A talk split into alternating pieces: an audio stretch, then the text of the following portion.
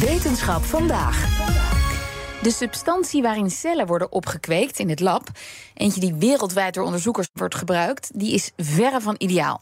Gelukkig denken Nederlandse onderzoekers een goed alternatief te hebben gevonden. En daar gaan we het over hebben met wetenschapsredacteur Carlijn Meinders. Hey Carlijn. Hoi. Ja, wat, wat gaat er dan allemaal mis met hoe het nu gaat? Ja, cellen laten groeien in schaaltjes. Dat gebeurt al gigantisch lang. 100 jaar geleden konden we dat ook al. Tegenwoordig zijn alleen de constructies, de type cellen, de celcombinaties die wetenschappers willen maken, een stuk ingewikkelder.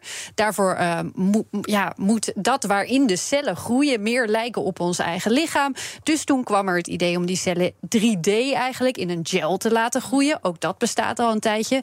Daar wordt één soort gel dus nu overal ter wereld voor gebruikt. En dat is Metri-gel. Paul Kouwer, moleculair chemicus aan de Radboud Universiteit, vertelt er meer over. Metrigel is een materiaal wordt gemaakt uit muizen.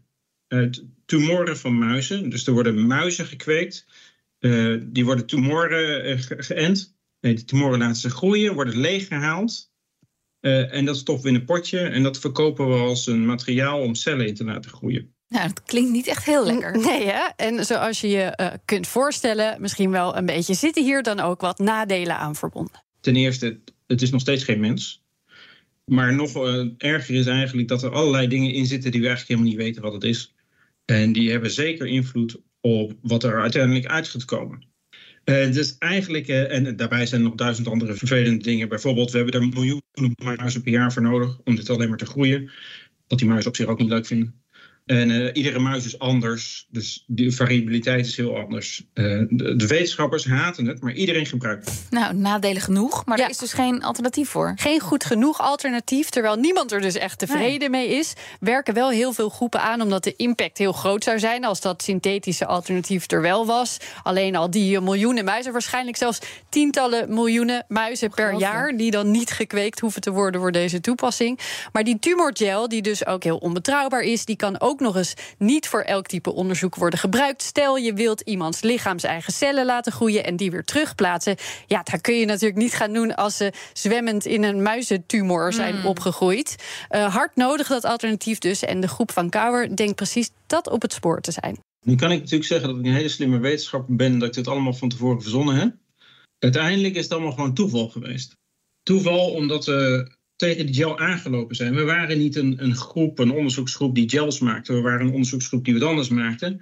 En toevallig was er tien jaar geleden iemand in het lab die zei van... hé, verdorie, ik heb een gel. En dat kun je dan vervelend vinden en weggooien. Of je kunt er wat meer aandacht aan besteden en zeggen... hé, hey, dat is eigenlijk interessant. Dus bijna was dit gewoon in de prullenbak beland. Ja, maar gelukkig uh, zijn ze het verder gaan bestuderen. Steeds meer mensen uit het team deden daaraan mee. Want het werd toch wel duidelijk dat ze hier iets uitzonderlijks te pakken hadden. Het leek namelijk heel erg op collageen. Belangrijk bestanddeel van ons lichaam. Dus daar zagen ze kansen. Toen zijn we dat gaan onderzoeken. En van de ene verbazing vielen we eigenlijk in de andere dat het zo goed werkt. Uh, nou, we worden er steeds overtuigder van zelf dat we echt een competitie kunnen worden voor die Metrigel. Maar dat klinkt nu al goed, als, maar nog wel alsof het niet helemaal af is? Ja, dat ligt uh, inderdaad een beetje aan de toepassing of je dit al meteen zou kunnen gebruiken. Um, voor sommige dingen is registratie nodig, maar als je het als onderzoeksmateriaal gebruikt, bijvoorbeeld om kankercellen in te onderzoeken, dan zou je het wel zo al kunnen gebruiken.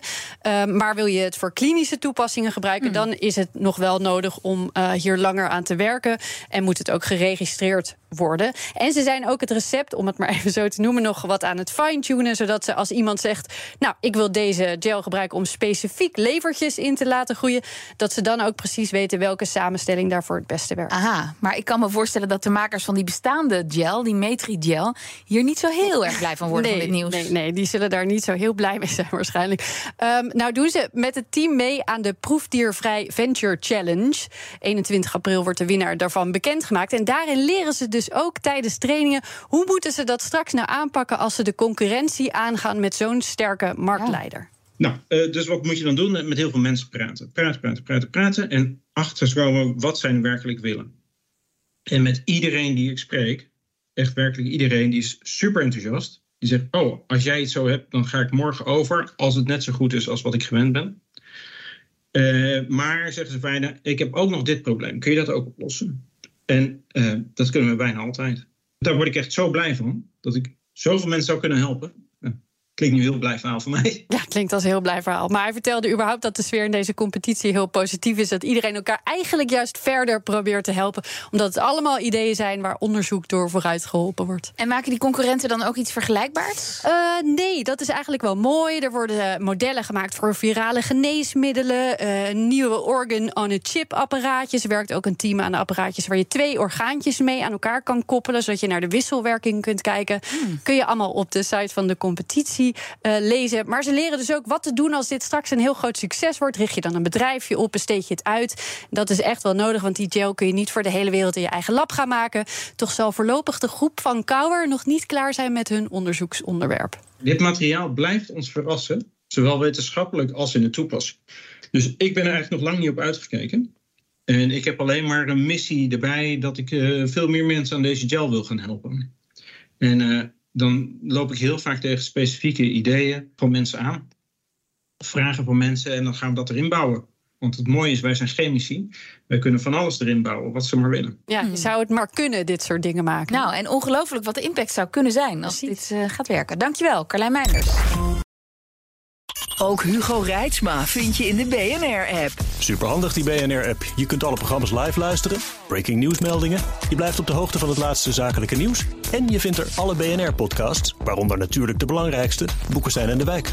Download nu de gratis BNR-app en blijf scherp.